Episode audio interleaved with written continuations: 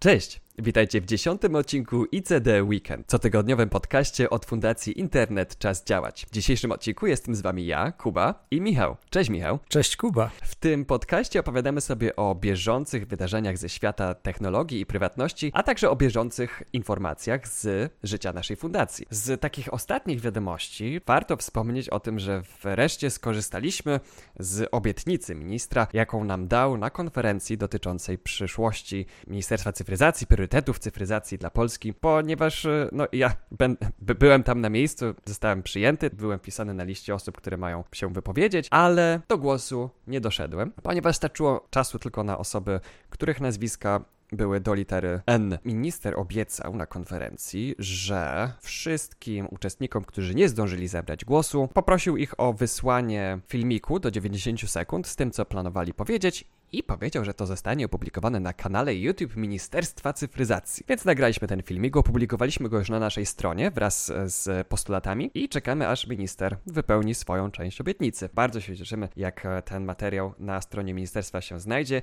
i minister znajdzie w swoim harmonogramie czas na rozważanie takich aspektów jak cyfrowa suwerenność, a niekoniecznie wybory na blockchainie. To tyle z takiego przeglądu bieżących rzeczy z życia fundacji. Oczywiście za kurtyną dzieje się e, wiele i planujemy wiele fajnych działań, ale zanim tę kurtynę odsłoniemy, jeszcze trochę czasu minie, a my czas teraz poświęcimy na to, żeby opowiedzieć o tym, co nowego wyhaczyliśmy w świecie technologii i praw do prywatności. Pierwszy w kolejności jest news od Michała o firmie Hire. Tak, firma Hire jest firmą produkującą różnego rodzaju sprzęt AGD, w tym na przykład, no powiedzmy, do kontroli klimatu, który można podłączyć do ich aplikacji i sterować tym przez telefon komórkowy. Ale niektórzy chcieli sterować takim sprzętem, jak na przykład klimatyzacją, przez Home Assistanta i sami zrobili reverse engineering protokołu, inżynierię wsteczną, no i zrobili plugin do Home Assistanta, który potrafił to robić. Powiesz y, szybko, czym jest Home Assistant?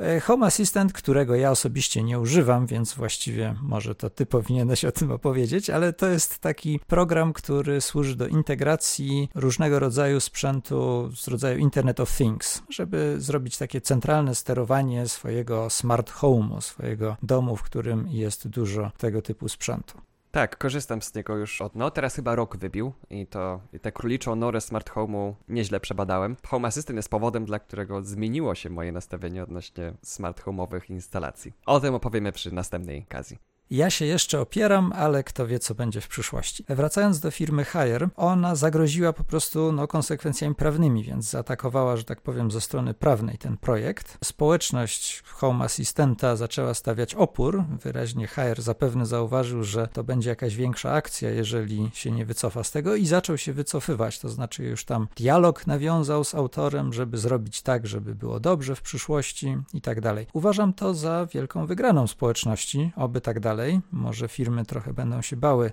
zamykania swoich produktów. Co ciekawe, to dotyczyło tylko firmy Hire Europe, dlatego że najwyraźniej Hire Europe i Hire USA zupełnie oddzielnie działają, na przykład na różnych platformach. Dlatego, że w ogóle trzeba zauważyć, że Hire trochę powodu mógł mieć do tego, dlatego że cały ten sprzęt ich jest sterowany przez ich serwery, no i ten plugin do Home Assistanta też sterował nim przez ich serwery, a więc wysyłał zapytania do ich serwerów. No i trzeba oddać Hire'owi, że rzeczywiście tworzył dość dużo zapytań, znacznie więcej na pewno niż sterowanie raz na jakiś czas aplikacją ze smartfona. Natomiast Hire USA korzystał w ogóle z innej platformy, innego rodzaju do kontroli swojego sprzętu i zamieścił jakiś wpis, chociaż zrobili to już chyba po tym, jak zaczął się trochę raban podnosić na ten temat, że oni wspierają to jak najbardziej, nie mają nic przeciwko. No jak widać, nawet pod tą samą marką mogą zupełnie inaczej działać. Ja bardzo bym chciał, żeby różne sprzęty typu smart miały wsparcie dla po prostu sterowania tylko na przykład z sieci lokalnej, jeszcze po jakimś uwierzytelnieniu, zamiast poleganiu na jakiejś usłudze, która jest tam gdzieś w internecie. Uważam, że takie poleganie na usłudze gdzieś tam, gdzie, która jest w internecie, może być dodane jako bonus, ale nadal z punktu widzenia przyszłości odporności by się przydało, że gdyby ta firma już upadnie, no to nadal jest jakieś API, którym można się dogadać. Ja na przykład chciałbym otrzymywać od mojej pralki, która no niechcący, to nie, nie takiej szukałem, ale no ma jakieś tam funkcje smart, ale nie parowałem jej z urządzeniem. Jakoś dawanie moich kluczy do Wi-Fi pralce jeszcze aż tak bardzo w tę króliczą norę się nie zanurzyłem, żeby aż tak to robić. Ale no właśnie, wymaganiem, żeby taką funkcję mieć jest to, że muszę tam założyć konto na stronie producenta i korzystać tam z ich ekosystemu i tak dalej. No tam nie ma jakiejś takiej interoperacyjności, jaką e, widzę wśród innych urządzeń smart, które kupuję tak umyślnie, żeby były smart, że im właściwie nie robi w jakim ekosystemie są, tylko pozwalają na pełnię funkcji, niezależnie od tego, z jakiego ekosystemu, ekosystemu korzystasz. Podobna sytuacja, o jakiej ty mówisz, dotknęła także użytkowników samochodów Mazda. Właściwie sytuacja była bardzo analogiczna, bo Mazda też chciała zdjąć integrację z Home Asystentem. Tutaj wysłali cease and desist, czyli takie pismo, jakby to powiedzieć, grożące działaniami prawnymi, jeżeli, jeżeli nie zrobią tego, o co proszą, a prosili, w cudzysłowie prosili, żeby zdjąć e, z internetu tę integrację z Home Asystentem, bo oni mają jakąś tam swoją integrację i nie chcą, żeby ludzie integrowali z innym ekosystemem. Przez to de facto taki smart samochód Mazdy był mniej użyteczny dla takich entuzjastów, którzy lubią sobie dużo rzeczy automatyzować, jak na przykład ładowanie samochodu, zależnie od różnych czynników, które się dzieją w domu, czy od ceny prądu i tak dalej. Więc czy to są sprzęty AGD, czy to samochody, no to producenci widać, że w miarę co kilka miesięcy wraca właśnie taki motyw blokowania dostępu do interoperacyjnego systemu automatyzacji. Tak, kwestia tego, jak są oprogramowywane samochody, nie jest jeszcze dobrze rozwiązana. O ile mechanicznie tworzyć samochody, to już się powoli jako ludzkość nauczyliśmy, ich oprogramowanie pozostawia dużo do życzenia. I zamieściłem też taki odnośnik do informacji o Tesli. Chodziło tam o to, że Tesla umożliwiała na zbytnią swobodę w wykorzystywaniu swojego autopilota. Tego, że Tesla ma coś, co się nazywa autopilot, co może sugerować, że ona sama potrafi jeździć. Natomiast ten autopilot nie jest autopilotem w tym sensie, że trzeba cały czas zwracać na niego uwagę i być gotowym do przejęcia kierownicy, a nie oglądać sobie film, spać albo wykonywać podobne czynności. No ale Tesla w żaden sposób tego nie sprawdzała. Teraz zaczęła, miała zacząć to sprawdzać. Jest tam kamera, która patrzy, czy kierowca odpowiednio jest uważny. No i jak odkrył autor tego artykułu, jak się tę kamerę zaklei czymś, to Tesla spokojnie jedzie. Zupełnie jej to nie przeszkadza, autopilota można włączyć i tak dalej. Podnosi problem, że co robią agencje rządowe, no bo to takie rzeczy się właśnie sprawdza. Cytuję komentarze jakieś, w których odradzają konsumentom tworzenie scenariuszy testowych, czyli no nie testujcie, bo jeszcze się wam krzywda zrobi. Taka była intencja, no ale wydźwięk jest myślę trochę inny. Mam wrażenie, że co tydzień dowiaduje się jakichś kontrowersji odnośnie testy, odnośnie ich nienaprawialności, zdalnego psucia, tych wielkich ekranów w środku dotykowych, które są w JavaScriptie oprogramowane. Martwi mnie to, że jest taka narracja, że Tesla jako firma, że Elon Musk pokazał, że elektryczne samochody mogą być faktycznie cool, by takim produktem premium. Na pewno jest takie postrzeganie Tesli jako marki, ale dowiaduje się potem o takich rzeczach i to no nie wiem, niektóre z tych rzeczy sprawiają wrażenie po prostu głupiutkich alpo wręcz amatorskich. Na pewno marketingowo się świetnie spisali, ale no nie wiem, nigdy Tesli nie miałem, nigdy Teslą nie jeździłem. Są już jakieś tam głosy, że ta złączka Tesli do ładowania w Ameryce ma się stać standardem i pewnie dobrze, bo ma, ma jakieś tam zalety, ale to też jakoś tam, no widać, że jakąś tam drogę przetarła dla tych samochodów elektrycznych. Czy to dobrze, że przetarła tę drogę, czy nie, to już jest osobny temat, ale jestem naprawdę pod wrażeniem tego, jak Elon potrafi rozbudzić wyobraźnię ludzi i sprawić jakieś wrażenie czegoś, ale niekoniecznie to wrażenie musi być jakoś zgodne z prawdą. Po prostu taka przestroga odnośnie jakichś takich przyszłych różnych projektów od Ilona. O tak. Chociaż Twitter jeszcze żyje, więc Ciekawe, jak długo jeszcze. A propos kontrolowania narracji, mhm. to mam też ciekawy news, mianowicie Zespół do spraw walki z wykluczeniem transportowym zaprosił firmę Nevak i Dragon Sector na spotkanie, w którym mieli sobie wyjaśniać te kwestie bomb logicznych w oprogramowaniu pociągów. My o tej sprawie wspominaliśmy kilka odcinków temu. W skrócie przypomnę może. Okazało się, że pociągi firmy Nevak SA mają zaszyte w oprogramowaniu warunki, które, jak się okazało, no wydaje się, że miały przeciwdziałać temu, żeby te pociągi mogły być serwisowane przez inne firmy firmy niż Newak. Takie, które na przykład te pociągi zatrzymywały, jeśli stały długo pod adresem GPS-owym, który odpowiadał na przykład warsztatowi konkurencji. No i ja podniosłem taką możliwość, że wcale niekoniecznie, bo to oczywiście wydaje się, że firma Newak zrobiła to właśnie w takim celu, żeby wymusić korzystanie z jej usług, ale że jest możliwe coś innego, to znaczy mógł to zrobić ktoś inny, jakaś w ogóle trzecia strona, która zamaskowała to w ten sposób, to znaczy przygotowała sobie grunt pod uziemienie naszych pociągów na przykład i tak to zrobiła, żeby w razie wykrycia wydawało się, że winę ponosi Newak. Nie spotkało się to z zrozumieniem chyba naszych słuchaczy, przynajmniej niektórych, ponieważ słyszałem, że to, to na pewno nie tak. I dla mnie dlatego ciekawe jest, że na tym spotkaniu, które zresztą wypadło moim zdaniem dość średnio, to znaczy tam byli rzeczywiście Dragon, przedstawiciele Dragon Sector razem ze sprawnikiem, byli przedstawiciele firmy Nevak, ale mówili, no nie, nie otrzymaliśmy odpowiedzi na najbardziej interesujące pytanie, czyli no skąd się wzięło tam to oprogramowanie. W każdym razie firma Nevak robiła prezentację właściwie troszkę chyba nie na temat, ale jedną z rzeczy, którą zauważył ich przedstawiciel, to jest, że oni nie mają w ogóle licencji na te sterowniki, w którym było to oprogramowanie i nie oni się zajmują wgrywaniem tego tam. Pozostaje pytanie to wobec tego, kto? To pytanie nawet zostało zadane, ale jakoś tak się wszystko rozwodniło i nie usłyszeliśmy na to odpowiedzi. Dość uszczypliwie skierował tę uwagę przedstawiciel Nevagu w stronę Dragon Sektora, bo oni twierdzili, że to musiał Nevag zrobić, a teraz już tak nie twierdzą, że się zmieniła narracja, coś takiego mówi. I o ile na wszystkie inne pytania Dragon Sektor ma bardzo spokojnie i profesjonalnie odpowiadał, albo przez prawnika, albo tam osobiście, na tę zaczepkę, bo inaczej no nie mogę tego nazwać, nie podobało mi się jak Nevag działał,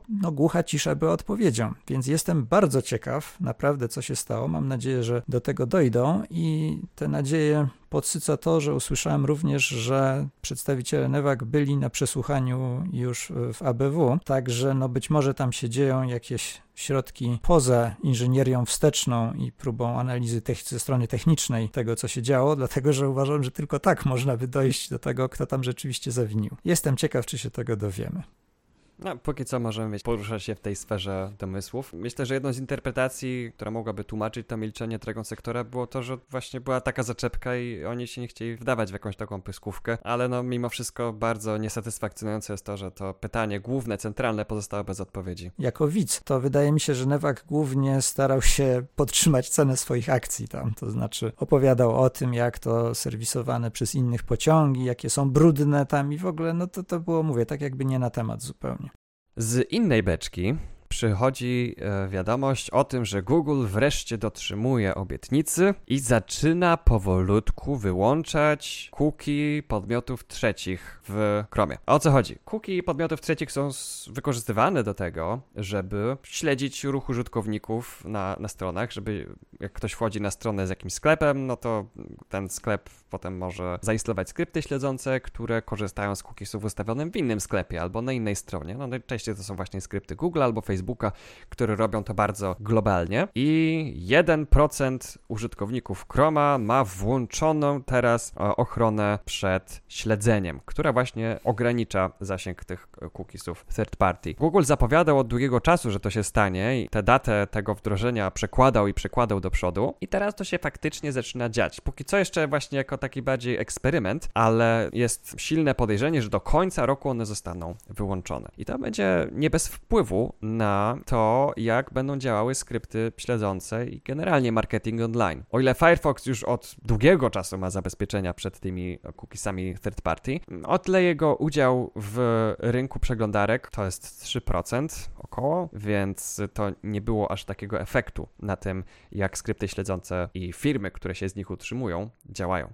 Myślę, że ma też duże znaczenie, że w Chromie ma to być domyślna opcja, to znaczy nic użytkownik tam nie będzie musiał sobie ustawiać, żeby zwiększyć prywatność, tylko domyślnie będą te ciasteczka wyłączone. Tak samo jak w Firefoxie właśnie, cookie e, third party są wyłączone i w Safari już od pewnego czasu też, więc Chrome był tą ostatnią, no wiadomo, Google miał interes w tym, żeby te third party cookie były włączone jak najdłużej. Teraz pytanie, co dalej? Jak teraz będą te skrypty nas śledziły? No oczywiście jest możliwy fingerprinting, bo to zabezpieczenie przed cookiesami samo z siebie przed fingerprintingiem nie chroni. Jeżeli nie wiecie czym jest fingerprinting, e, to polecamy waszej uwadze odcinek Przegląd sposobów na śledzenie użytkowników internetu. Jest też artykuł o tym na naszej stronie, gdzie więcej o fingerprintingu możecie się dowiedzieć. W skrócie to jest po prostu robienie unikalnego identyfikatora nie losowo, tylko na podstawie zestawu cech, jakie przeglądarka ma, na przykład zainstalowane fonty, rozdzielczość ekranu i różne inne cechy, jak na przykład model karty graficznej albo sposób w jaki karta graficzna składa różne elementy, więc w zestawieniu takie rzeczy potrafią całkiem unikalnie określić konkretne urządzenie na pewno, no a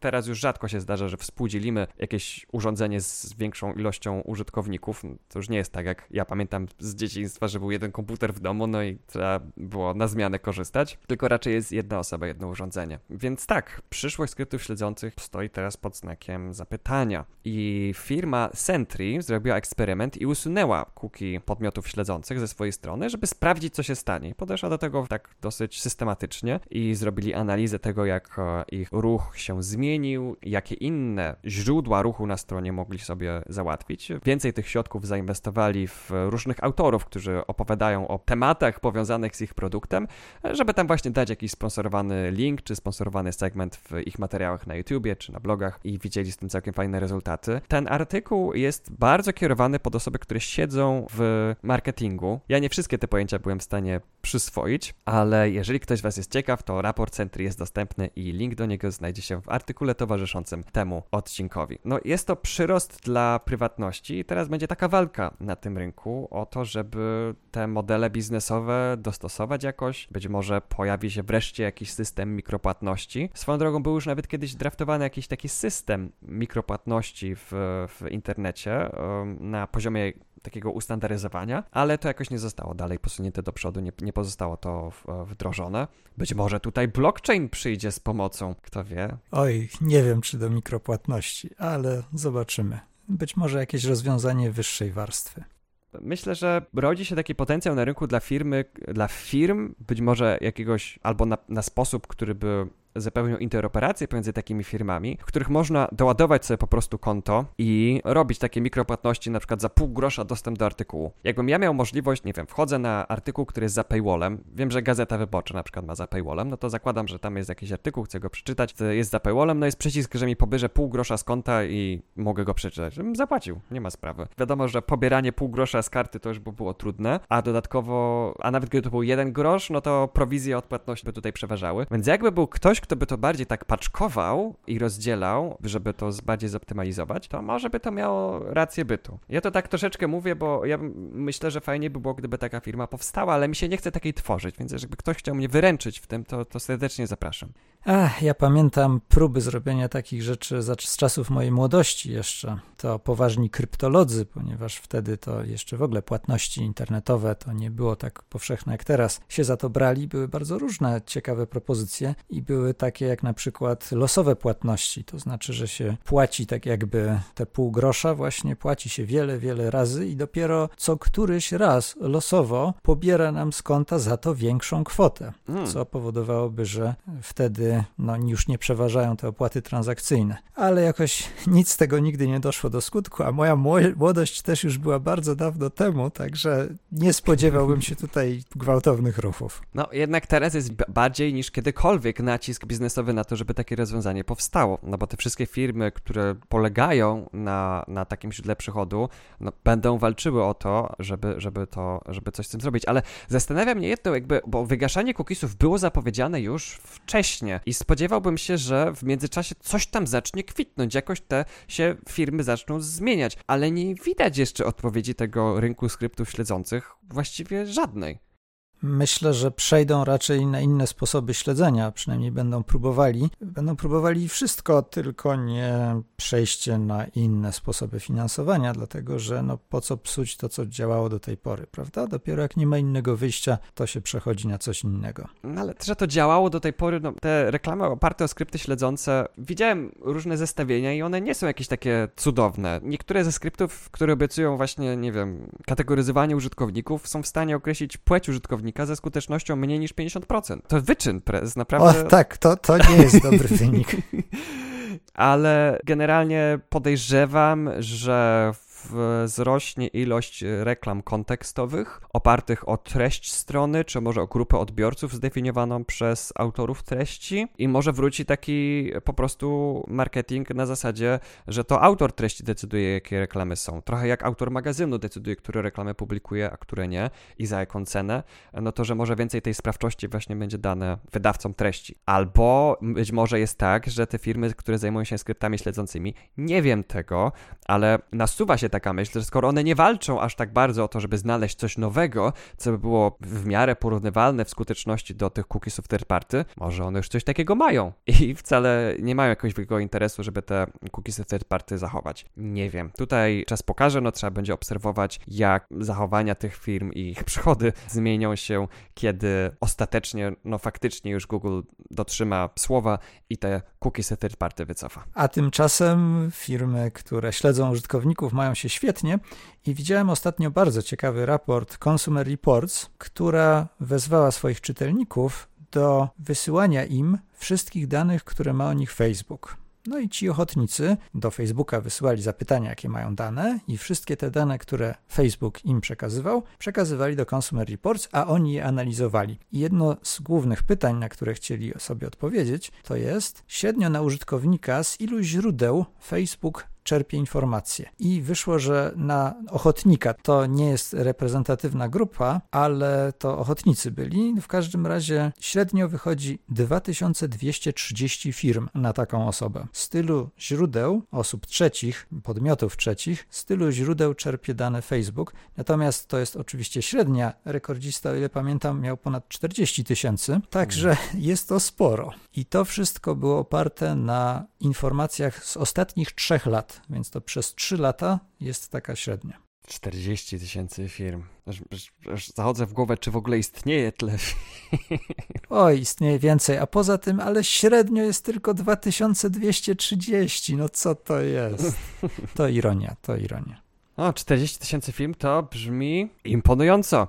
Ciekawe, czy ta osoba starała się pobić rekord. Czy potem był e, jakiś taki e, lista rankingowa, który wolontariusz miał najwięcej. Czasami jak robię szkolenia z bezpieczeństwa, to polecam właśnie uczestnikom, żeby weszli na Have I Been Pwned, żeby sprawdzić właśnie ile znanych wycieków zawiera ich adresy e-mail i hasła do nich najprawdopodobniej. No i oferuję nagrodę dla osoby, która będzie miała najwięcej wycieków. Jak się wtedy wszyscy rzucają, żeby siebie sprawdzić, ale to raczej no, w, w tych wyciekach, chociaż rekordzista miał chyba z 19 wycieków, więc to, to też było nieźle na jakimś takim starym, starym adresie e-mail. Ale e, tuż po Zostawiając tę dygresję, w temacie śledzenia Proton, czyli alternatywny dla Outlooka, Gmaila, dostawca usług mailowych, który charakteryzuje się szyfrowaniem, no i branduje się właśnie jako taka nastawiona na prywatność alternatywa, zarzuca Microsoftowi, że Outlook jest nowym Microsoftowym narzędziem do zbierania danych, co też widać w różnych interfejsach webowych, no są te okienka ze zgodami, z wieloma partnerami, z wieloma celami, są reklamy w Outlooku i niektóre z tych reklam w niektórych aplikacjach wyglądają jak wiadomości mailowe. Oczywiście są podpisane, że to jest reklama, ale są normalnie na liście maili. I tutaj swoją drogą warto wspomnieć, że był wyrok sądowy o sygnaturze C-102 przez 20, w którym jest jasno napisane, że reklamy wyglądające jak część interfejsu skrzynki mailowej są uznawane za marketing bezpośredni, więc podlega wszystkim regulacjom z tym związanym. W szczególności jak na przykład kojarzycie pocztę, nie wiem, na wp.pl i innych takich darmowych pocztach, no to tam się pojawiają maile, które są, nie, nie są mailami, tylko są po prostu reklamami wszytymi w interfejs, że także na liście wiadomości wyglądają jak maile, nad czym też y, będziemy się pochylać dalej, bo nie dosyć duże prawdopodobieństwo takie praktyki nie są zgodne z regulacjami. Więc Microsoft tutaj no, jest łasy na dane i myślę, że on się staje coraz bardziej właśnie taką chmurą, która stara się wszystko otaczać i wszystkich od siebie uzależniać. Tym bardziej jak nabiera taką rolę i w społeczeństwie technologicznym, to warto zwrócić uwagę na to, ile są warte jego słowa, bo w 2015 roku Microsoft zapowiadał, że Windows 10 to jest ostatnia wersja Windowsa, że on po prostu będzie aktualizowany i to już nowe funkcje będą po prostu nowymi częściami systemu. I to wszystko brzmiało, brzmiało fajnie, aż e, do ostatnich lat, kiedy właśnie pojawił się Windows 11 i okazało się, że niektóre komputery będą z nim niekompatybilne. Już abstrahując od wspomnianego w jednym z poprzednich odcinków klawisza, od tych funkcji sztucznej inteligencji, który będzie musiał kiedyś się znajdować na, na klawiaturze, będzie wymuszany, no to niektóre procesory są po prostu niewspierane przez Windows 11, być może też z powodów obsługi sztucznej inteligencji albo z jakichś innych. Więc e, użytkownicy zostaną na Windowsie 10, dla którego wsparcie się skończy i komputer będzie albo musiał iść do śmieci, albo w lepszym scenariuszu dostanie, zostanie potraktowany Linuxem. Więc warto się zastanowić, czy ufać Microsoftowi także z innymi rzeczami, no bo tutaj z tą ostatnią wersją Windowsa 10 ewidentnie nie wyszło. No tak, a myślę, że przejście do Windowsa 12 może też zmienić trochę minimalne wymagania. Mam odnośnik do ciekawego artykułu, w którym analitycy TrendForce, którzy być może coś tam słyszeli, to są plotki oczywiście jeszcze, ale słyszeli, że będzie taka kategoria, będą AI PC, będzie kategoria PC-ów, które są w stanie obsłużyć AI, które będą potrzebowały minimum 16 GB RAMu a przynajmniej Microsoft będzie chciał takie minimum wymusić. I to będą komputery zdolne do tego, żeby uruchamiać jakieś funkcje AI, które prawdopodobnie będą zintegrowane z Microsoft Windows. W tej chwili notabene to jest 4 GB. Wymagania minimalne Windowsów to są 4 GB.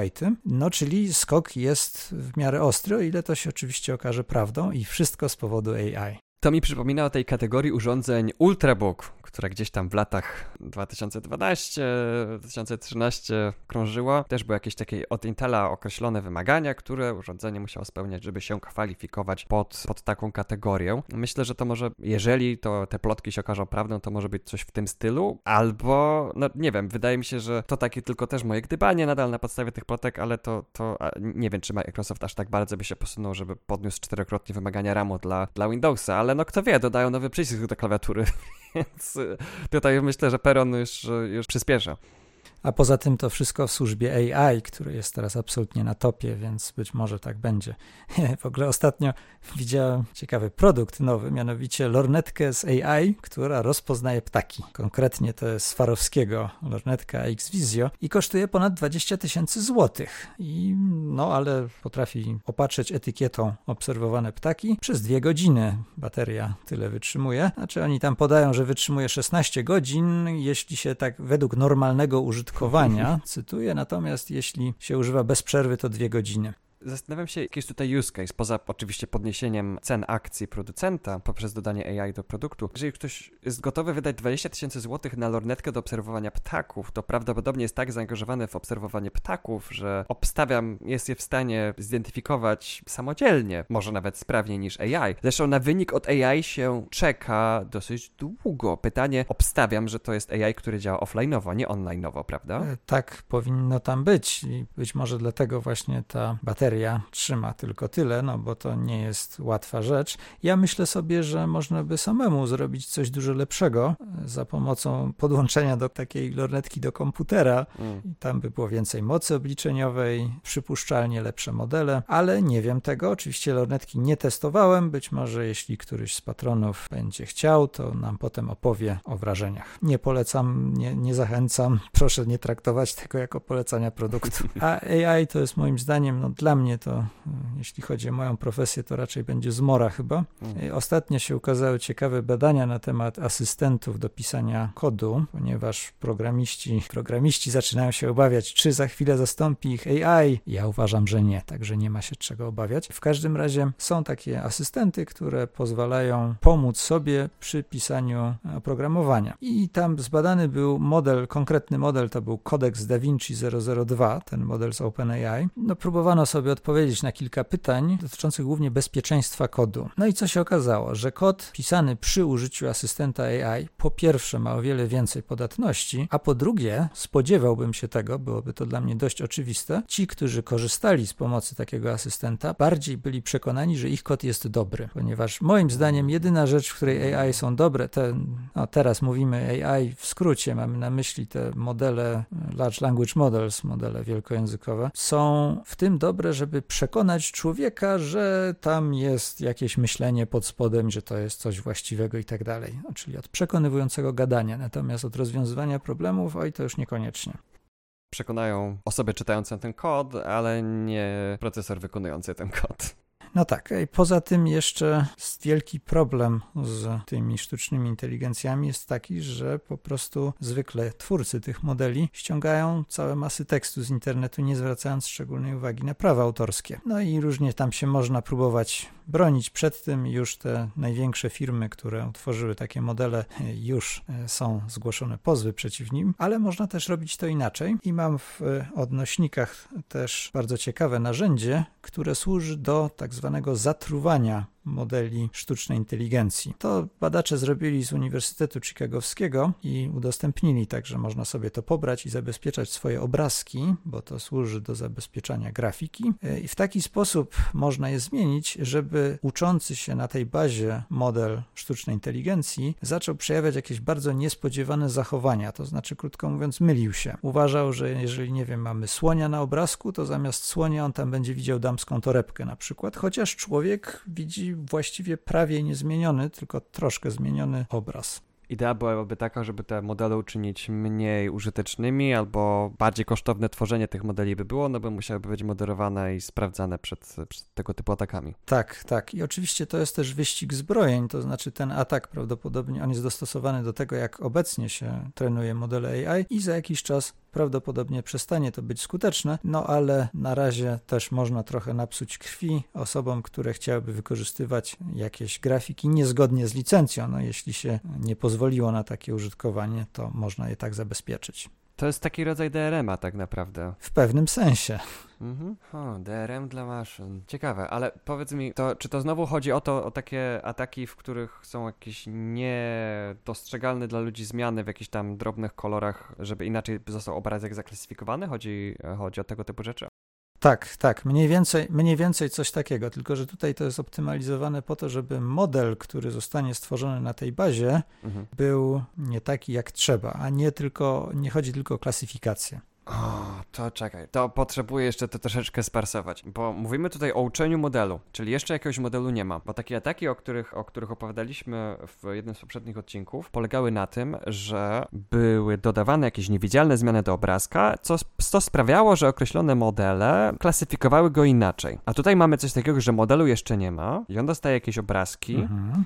I one są dla człowieka ewidentnie widziane jako słoń, ale kto go widzi jako damską torebkę? Bo rozumiem, że to taki model dostaje tylko zdjęcie i etykietę. No tak, i przyszłe modele, to znaczy to bazuje na tym, że modele to jakby klasyfikują źle i bazuje to też na wiedzy, jak te modele rozpoznają obrazy. A więc oczywiście taki obrazek też byłby źle sklasyfikowany przez model to jest jasne. No tylko, że tu robimy jakby coś więcej jeszcze. To nie mhm. tylko chodzi o to, że model jest źle rozpoznany, tylko chodzi nam o to, żeby on jak najbardziej napsuł w umyśle powstającego modelu, który się uczy. Okej, okay, czyli ta struktura pliku i ułożenie kolorów jest jakieś takie nienaturalne, co powoduje jakieś takie turbulencje w tym, jak to mieszanie tych e, macierzy algebry liniowej w e, modelu jest, jak one są układane, tak? Czy dobrze rozumiem? No, bardzo ogólnie rzecz biorąc, no pewnie tak. Okay. Jeżeli chcesz zobaczyć, to to jest open source wszystko, można sobie obejrzeć, jak to jest robione, to jest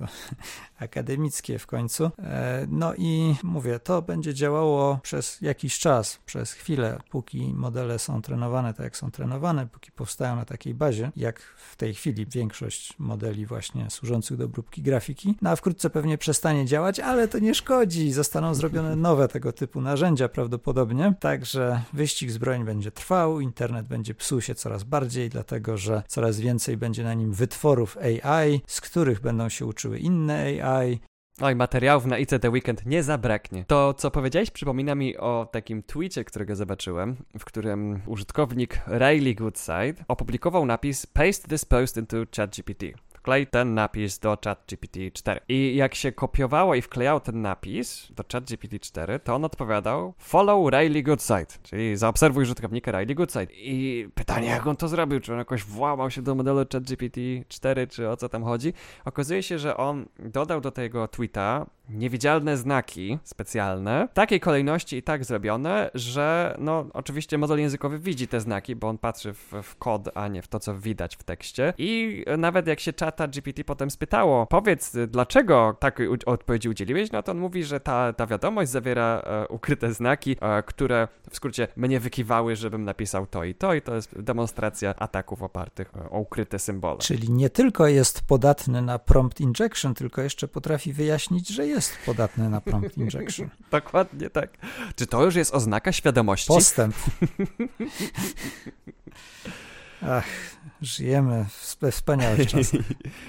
Um, kolejny temat jest twój, więc no oddaję tak. ci scenę. To może trochę z innej beczki. Widziałem ostatnio krótki klip z telewizji CNBC, w której dyrektor firmy Hewlett Packard tłumaczył się z blokowania drukarek po tym, jak użytkownicy użyją nieautoryzowanych pojemników z atramentem. Dlatego o tym też wspominaliśmy w którymś z ostatnich odcinków ICD Weekend, to Arkadiusz o tym opowiadał, e, że firma HP wypuściła taką aktualizację do drukarek, która powodowała, że odmawiały współpracy, jeżeli miały załadowane kartridże, które nie pochodziły od firmy HP. No i wyjaśniał, że muszą chronić swoją własność intelektualną i że jest tej własności intelektualnej najwyraźniej bardzo dużo w atramencie, głowicach i w drukarkach. Nie do końca wyjaśnił właściwie, dlaczego to chroni ich własność intelektualną. Prowadząca zresztą z pewnym niedowierzaniem się pytała, czy rzeczywiście, żeby chronić swoją własność intelektualną, to muszą brikować drukarki, chociaż nie do końca było to brikowanie, no ale ona tak powiedziała.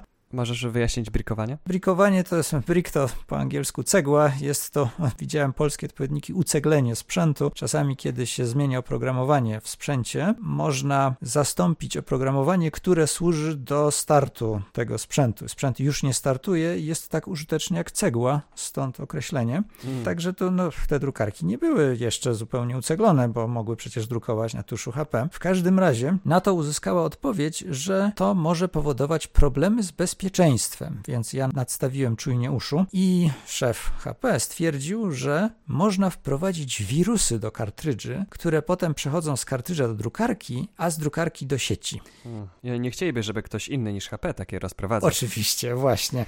E, on mówił też, co prawda, dalej, że docelowo Hewlett Packard chce zrobić z drukowania wyłącznie usługę subskrypcyjną i to jest wygodne i dobre dla środowiska tam i tak dalej. I tracą na drukarkach, więc muszą sobie dorobić robić na tuszu, ale spytany, ile tracą na każdej drukarce, jakoś nie chciał powiedzieć ile. Mm.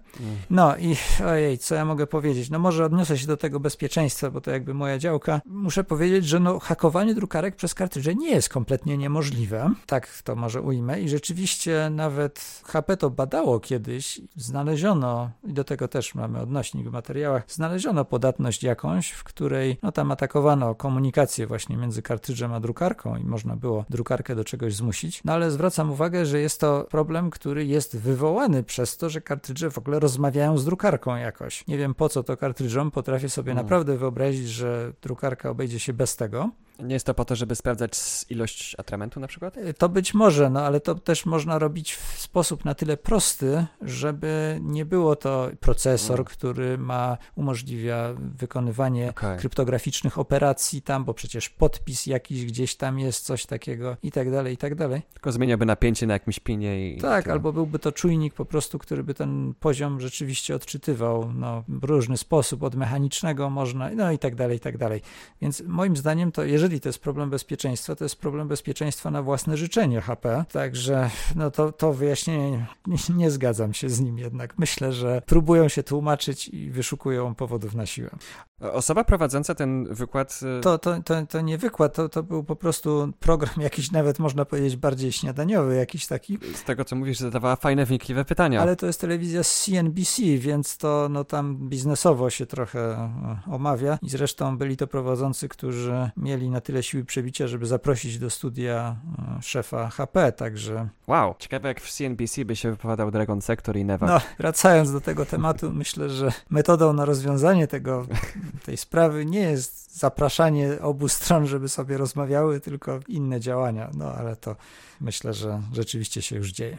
Ale to nie koniec naszych tematów o drukarkach. A rzeczywiście, bo okazuje się, skoro już o bezpieczeństwie mówimy, że niedawno wykryto ciekawy atak, tym razem na drukarki Lexmarka, do których mam odnośniki w naszej liście tematów. I co ciekawe, dla mnie szczególnie, że dwa z tych ataków umożliwiają uruchomienie dowolnego kodu na drukarce, bo drukarka ma procesor i to w dzisiejszych czasach całkiem niezłe mają procesory, po wysłaniu spreparowanego postscriptu, czyli po wysłaniu dokumentu de facto spreparowanego. To może wyjaśnię chwilę, dlatego że jedną z metod, powszechną metodą opisywania wyglądu strony jest użycie specjalnego języka, bo to jest język programowania. Jest to język taki dostosowany do opisu wyglądu strony, który się nazywa PostScript. No i tam rzeczywiście można pisać programy w tym języku, a jak się okazuje, również można wykorzystywać podatności. Okej, okay. ale czy de facto każda drukarka, która ma PostScript pozwala na uruchomienie dowolnego kodu, tylko tu jest to jakoś bardziej dotkliwe niż zwykle. Oj tak, to znaczy rzeczywiście dowolnego kodu.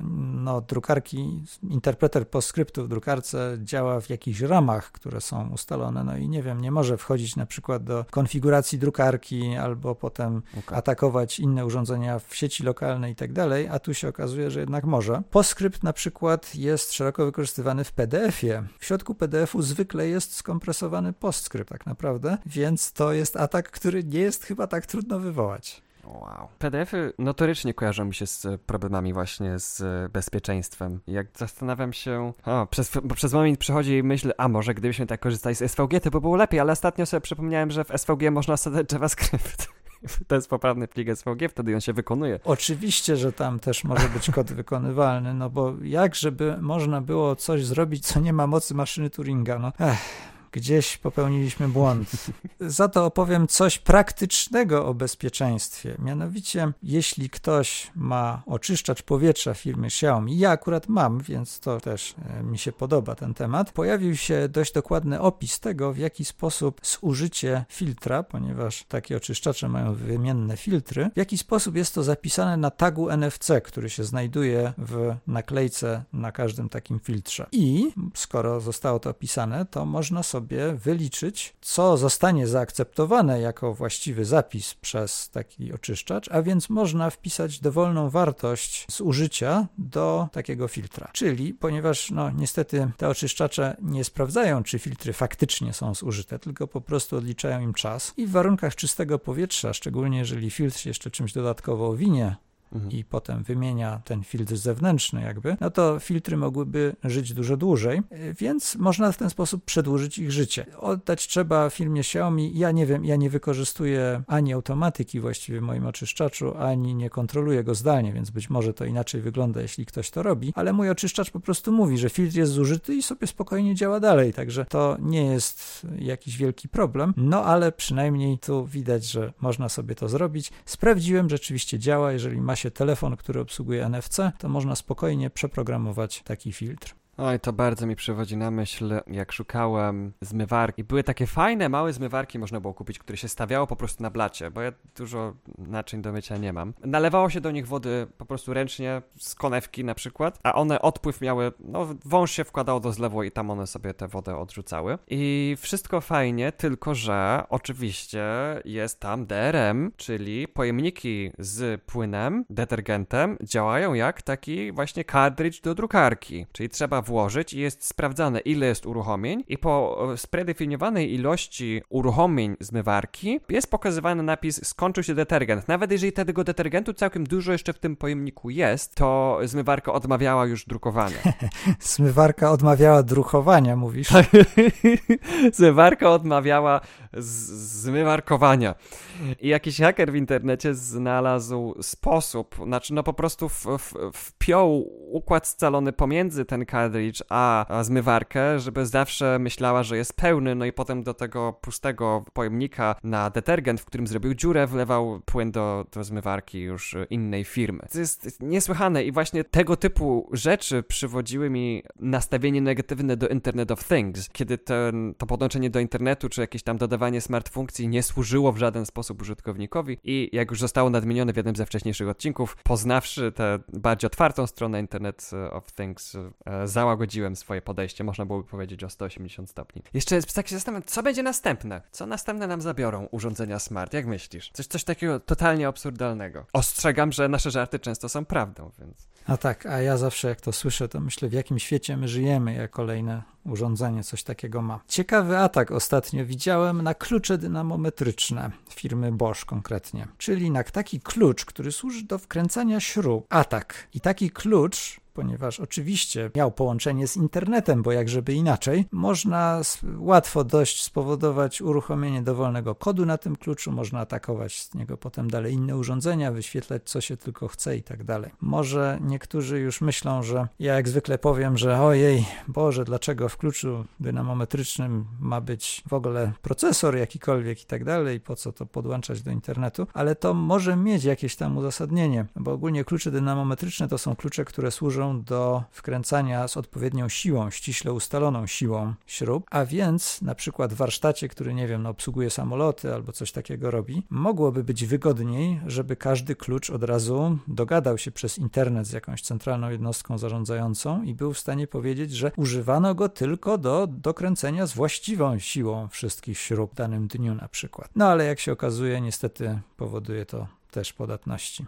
Tak, no ja pierwszy raz słyszałem o czymś takim jak klucz dynamometryczny, więc dzisiaj dowiedziałem się, że jakiś przyrząd istnieje oraz, że jest podłączony do internetu i że go można schakować, więc mądrzejszy z każdym dniem. Ale nie tylko ataki na IoT ostatnio widziałem. Na przykład czytałem bardzo interesującą publikację o atakach Side Channel na dźwięki, na mikrofony komputerów. Generalnie atak Side Channel to jest taki atak, który wykorzystuje niedoskonałość pewną w fizycznej implementacji jakiegoś systemu. No więc na przykład typowe ataki side channel to jest, że coś, jakieś obliczenia zajmują dłużej, a inne krócej i coś można po tym wnioskować. Albo na przykład, tak jak w tym ataku, że jeżeli komputer coś oblicza, to te zakłócenia elektromagnetyczne przenoszą się na dźwięk, który nagrywają mikrofony, bo nie są idealnie izolowane, no a taki dźwięk ktoś może słyszeć. I badacze, analizując dźwięk z mikrofonów, byli w stanie wy wykraść klucze, no co jest bardzo w fotografii istotne i to jest właściwie clue takiego ataku, ale też na przykład potrafili ustalić, jaką stronę aktualnie przegląda użytkownik z dużym prawdopodobieństwem, albo i dlatego wróżę temu atakowi to, że będzie szeroko rozgłoszony i będzie rozpoznawalny, potrafili wykryć, czy przeciwnik w Counter-Strike'u widzi naszego awatara. Czyli jeżeli z kimś rozmawiam, na przykład jednocześnie łączę się z nim i sobie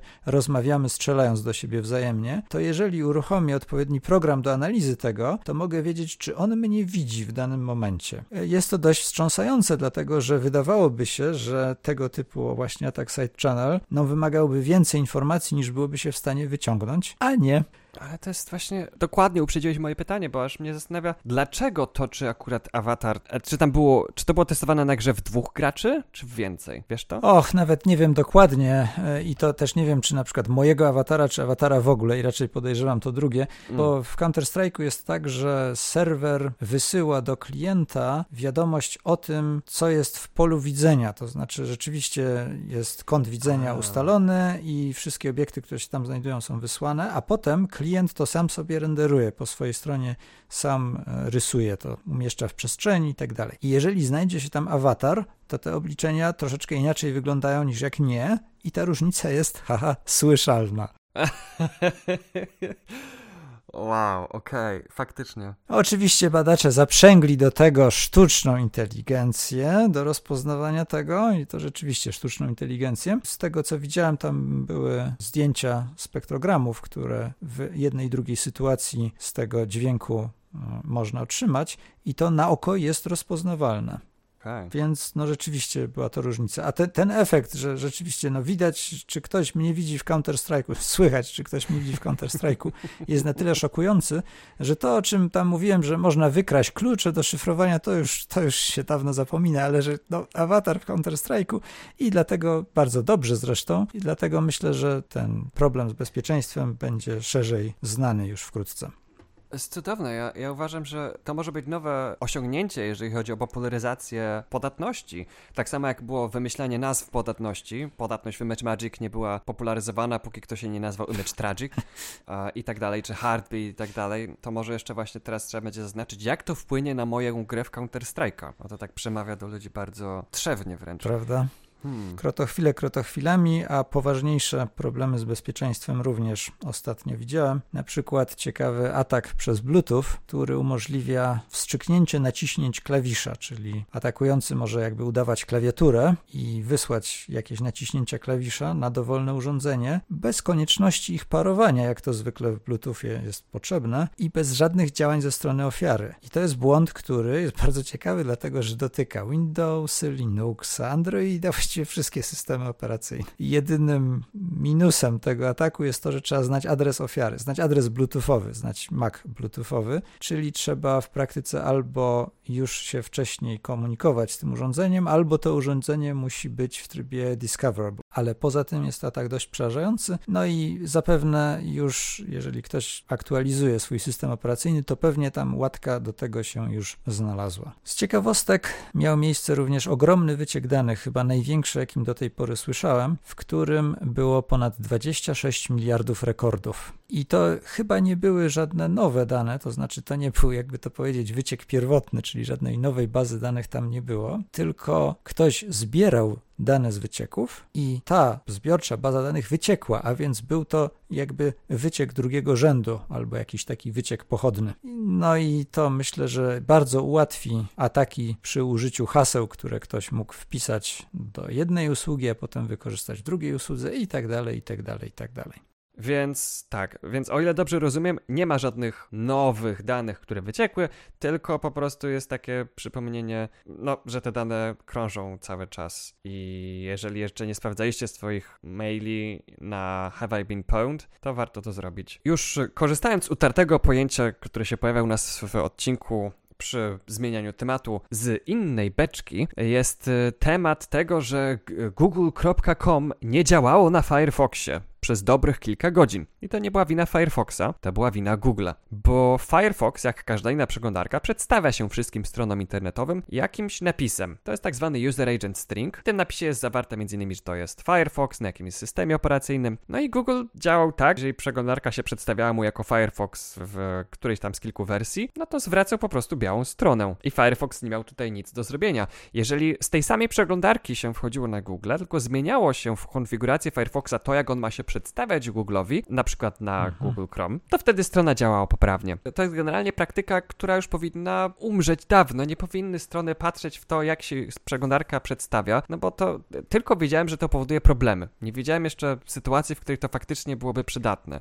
Zwłaszcza, że no to, co się wyświetla na stronie Google'a, to, to jest, to jest no pole wyszukiwania i jak, jakieś logo, więc to naprawdę tak się kiedyś robiły strony, że sprawdzały, jaka to jest przeglądarka, no bo każda jakoś miała inne jakieś tam funkcje albo trzeba było robić jakieś haki w Internet Explorerze, żeby coś się prawidłowo wyświetliło, no ale teraz to już jest całkiem nieźle ustandaryzowane i to jest kolejny sygnał, żeby od tego odejść. Więc jeżeli słuchają nas jacyś web developerzy, to proszę nie czytajcie tych user agent stringów, tylko są ciekawsze metody, na przykład jakieś tam detekcji dostępnych API, których, z których można skorzystać, ale ten user agent string niech już pójdzie do lamusa. Zwłaszcza, że można go po prostu bardzo prosto podrobić, więc to, to nie jest niezawodna metoda.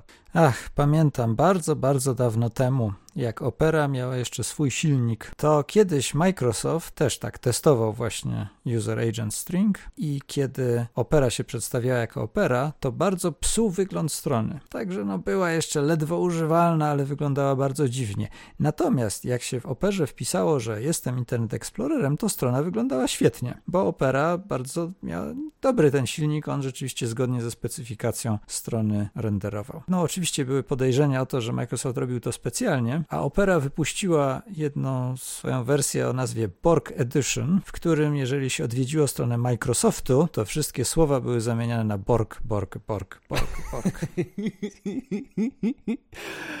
Piękna zemsta, piękna zemsta. No ja, ja pamiętam jak kiedyś Microsoft Teams odmawiał posłuszeństwa na Firefoxie, mówił, że o, że tu nie wspiera e, Firefox jakichś tam protokołów do kamerki i nie mogę się zdzwonić, ale jak się kazałem Firefoxowi przedstawiać jako Google Chrome, to natychmiast wszystko działało. Też ta informacja dla użytkowników, że czasem jest używany ten user agent string, niestety teraz chyba już tylko do, nie wiem, do wymuszania takich właśnie jakichś politycznych decyzji wręcz, e, czy biznesowych decyzji odnośnie, odnośnie tego, z jakiej przeglądarki przeglądarki użytkownik powinien korzystać, a nie w jakichś takich fajniejszych, szczytnych celach i że to można sobie podrobić. Są wtyczki do tego, albo w, czasem w przeglądarce w ustawieniach można normalnie wpisać, jaki ten user agent string ma być. Idąc dalej, jak już dotknąłem tematu Microsoftu, ktoś zauważył, że LibreOffice czyta lepiej stare pliki Worda niż Microsoft Office. Tutaj mowa o plikach Worda sprzed jeszcze 94 roku. Są takie archiwalne pliki, które już w Wordzie oficjalnym, Office'owym się nie otworzą dobrze, a LibreOffice jest w stanie otworzyć prawidłowo szczegółowo. Przyległy do tej wiadomości fakt, że Microsoft będzie usuwał WordPada z Windowsa.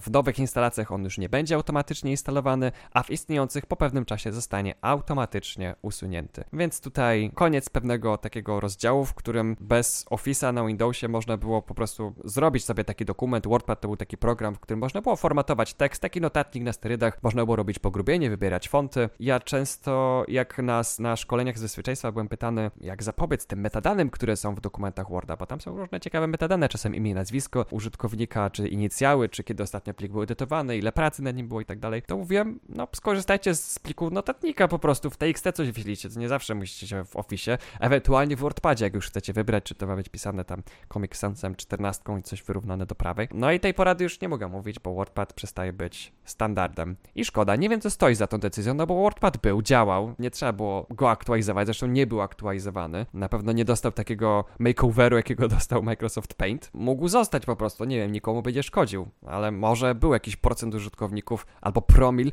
dla których WordPad wystarczał, więc nie kupowali Microsoft Office, no i ktoś podjął decyzję, a, no to, no to wywalimy tę funkcję, żeby ludzie więcej płacili za Office'a. Nie wiem, to tylko spekulacja, ale jakby nie, nie widzę innego powodu, który miałby się ku temu przyczyniać. Ja mam nadzieję, że w notatniku, chociaż, nie wiem, może to się zdarzyło już, ale jak jeszcze dwa lata temu sprawdzałem, to nie, że notatnik będzie obsługiwał znaki nowych linii z innych systemów, bo Windows używa dwóch znaków specjalnych do oznaczenia nowej linii, Linux używa jednej, jak się zrobi plik na Linuxie, to na Windowsie notatnik otwiera wszystko jako jedna linijka. No i to naprawdę jest problem tak prosty do rozwiązania programistycznie, że to nie trzeba roku spędzić w Research and Develop, żeby to naprawić. Cóż, interoperacyjność nigdy nie była na celowniku Microsoftu, ale swoją interoperacyjność ostatnio zwiększył Blue Sky, czyli były CEO Twittera dostał wsparcie dla RSS-ów, więc można subskrybować osoby z Blue Sky'a za pomocą dowolnej aplikacji czytnika RSS. Co Fediverse miał od dawna, Mastodon na przykład, każdego można obserwować za pomocą czytnika RSS i fajnie, że Blue Sky tutaj też idzie w ślady tej otwartej technologii. A skoro już mówię o otwartych technologiach, to my w odcinku o F-Droidzie przybliżyliśmy Wam ideę alternatywnych sklepów z aplikacjami i aplikacji open source'owych. Jedną z aplikacji albo zestawem aplikacji jest, są tak zwane Simple Apps. Były wydawane przez jedną taką grupę programistów Simple Apps, które robiły takie ważne rzeczy, które telefon powinien potrafić robić, jak na przykład latarka, czytanie kodów QR i tak dalej, i tak dalej. W najprostszy możliwy sposób, leciutki i bez śledzenia. No bo jak się wpisze latarka w Google Play Store, to albo, czy, albo aplikacje do,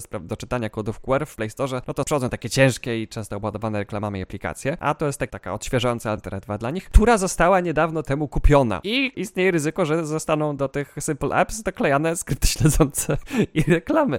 E, więc powstał fork tych aplikacji, który się nazywa Fossify. Są już na GitHubie. Nie wiem, czy jeszcze są na F-Droidzie, ale myślę, że to jest kwestia czasu, aż się tam też pojawią. Fork, czyli to jest ten sam kod, ale już jakby zabezpieczony przed dodatkowymi zmianami, które by tam miały wklejać jakieś skrypty śledzące i reklamy. Tak, open source teraz ratuje nie tylko przed dodawaniem skryptów śledzących do aplikacji, ale także przed utratą niektórych funkcjonalności i treści w internecie. Na przykład wiele treści internetowych było w latach 2000 tworzonych we Flashu. Flash technologia od Adobe, która pozwalała tworzyć już na interaktywne, animowane elementy i osadzać multimedia na stronach. I zostało wycofane wsparcie. Nie ma już oficjalnych wtyczek do Flasha dla przeglądarek, które byłyby aktualizowane z różnych względów. Potem były problemy z bezpieczeństwem i tak dalej.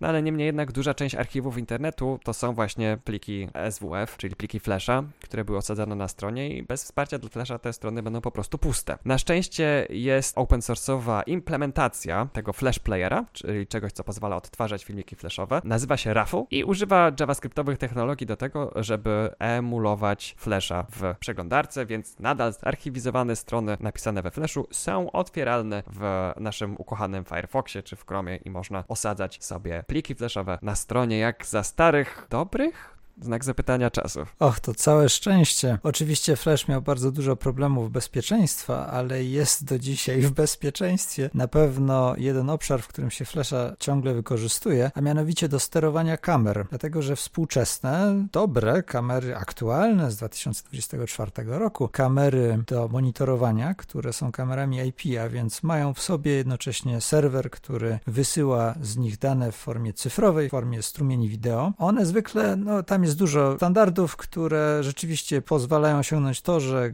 generalnie jest interoperatywność zapewniona. Natomiast jedna rzecz raczej tymi standardami nie jest zapewniona i to jest sterowanie kamer, które potrafią się kierować na określony cel. I to w większości kamer, nawet współczesnych, jest ciągle przy użyciu flasha zapewnione. To znaczy kamera ma swoją stronę, na której można nią tam w jakiś sposób sterować i ona wymaga flasha. I to bywa, wiem, że to już bywa problem w niektórych instalacjach, no właśnie dlatego, że flash jest wycofywany, także dobrze, że jeszcze ktoś go trzyma przy życiu.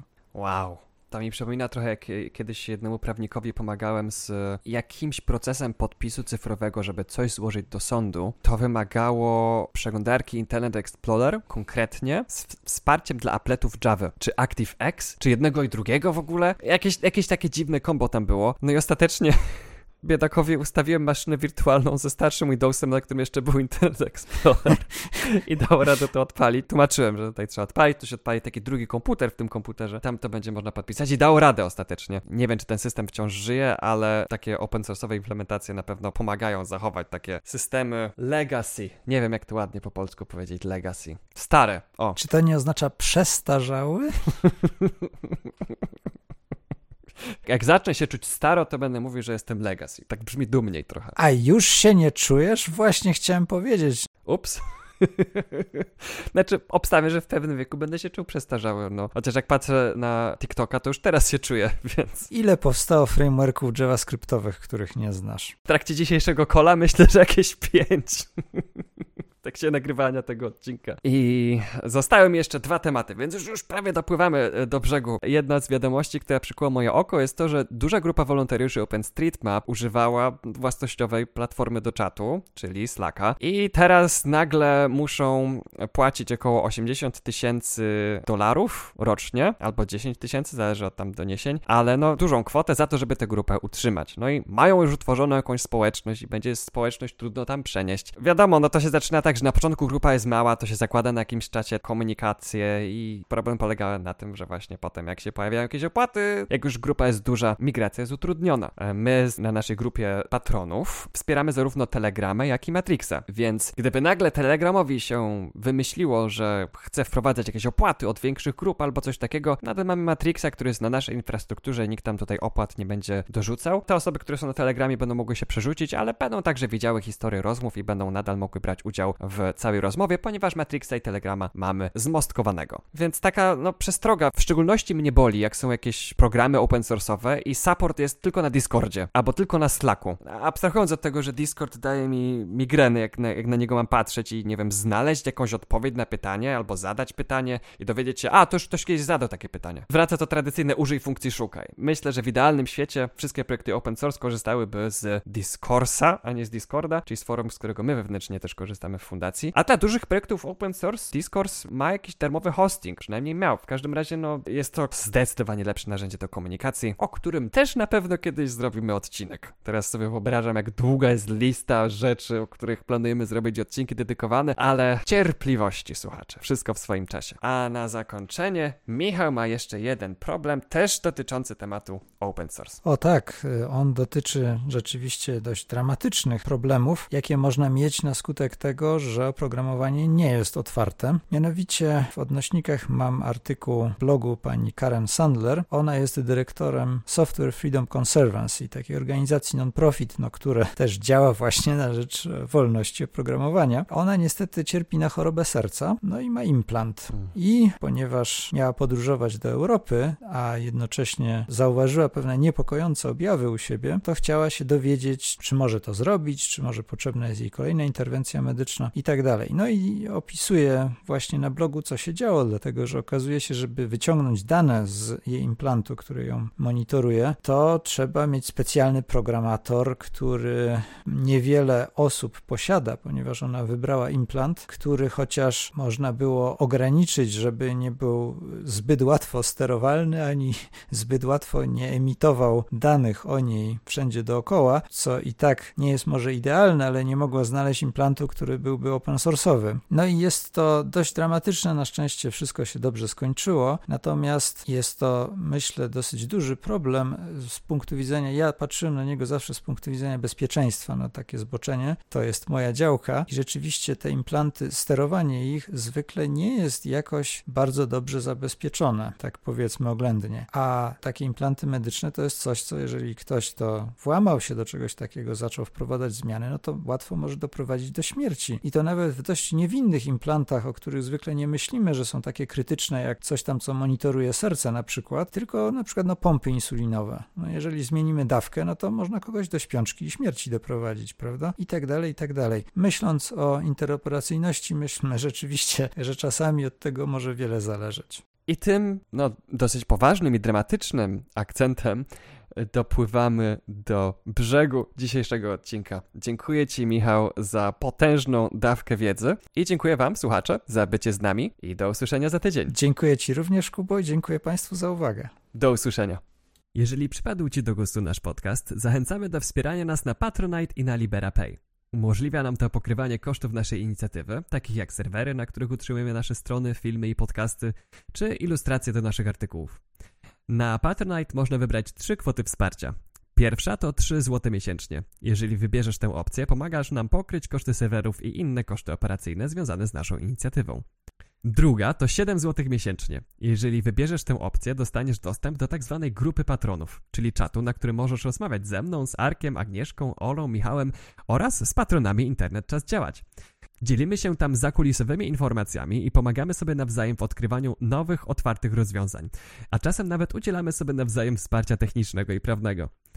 Czat jest dostępny za pomocą Matrixa oraz Telegrama. Pozostawiliśmy mostek, dzięki któremu masz dostęp do całej dyskusji, niezależnie od tego, którą platformę wybierzesz. Członkowie grupy są też zapraszani na comiesięczne spotkania wideo z całym naszym zespołem. Trzecia kwota na Patronite to 14 zł miesięcznie. Wybierając tę kwotę dostaniesz dostęp do grupy patronów, a także Twój pseudonim lub imię i nazwisko zostaną wyczytane na końcu naszych odcinków. O ile oczywiście Twoja darowizna nie jest anonimowa. Oto aktualni patroni, którzy właśnie tak szeroko otworzyli swoje serca i portfele na rzecz naszej inicjatywy. Grzegorz Ciechowski, Damian Haugas, Dawid Gosławski, Gustaw Tański, Marcin Karwowski, Tomasz Chrycyna, Łukasz Nachaczewski, Łukasz Hawryłko, Mi, Klo, Monika Koperkiewicz, Artur Markowski, Mateusz Jabłoński, Filip Fifando, Krzysiu Weiss, Marcin Mokrzycki, Mateusz Jarczyński, Adam Jurkiewicz, Renata Olszewska, Roman Przybyła. Serdecznie dziękujemy tym wyczytanym oraz wszystkim innym patronom, którzy nas wspierają w walce o lepszy internet. Te same nagrody można uzyskać patronując tam na LiberaPay, który umożliwia opcję wspierania nas całkowicie anonimowo, jak i wybrania dowolnej kwoty wsparcia. Można nas też wspierać za pomocą bezpośredniego przelewu bankowego. Zainteresowanych prosimy o kontakt mailowy. Linki do naszych profilów na Patronite i LiberaPay, jak i do naszych kont na Fediversum i innych sieciach społecznościowych możecie znaleźć w zakładce Kontakt na naszej stronie internetowej. Drobna uwaga. Wyszukiwarka Patronite jest bardzo pedantyczna i nie pokazuje nas osobom, które wpisują samo internet czas działać bez kropki po słowie internet. Najłatwiej zatem jest nas znaleźć właśnie w zakładce kontakt na www.internetczasdziałać.pl.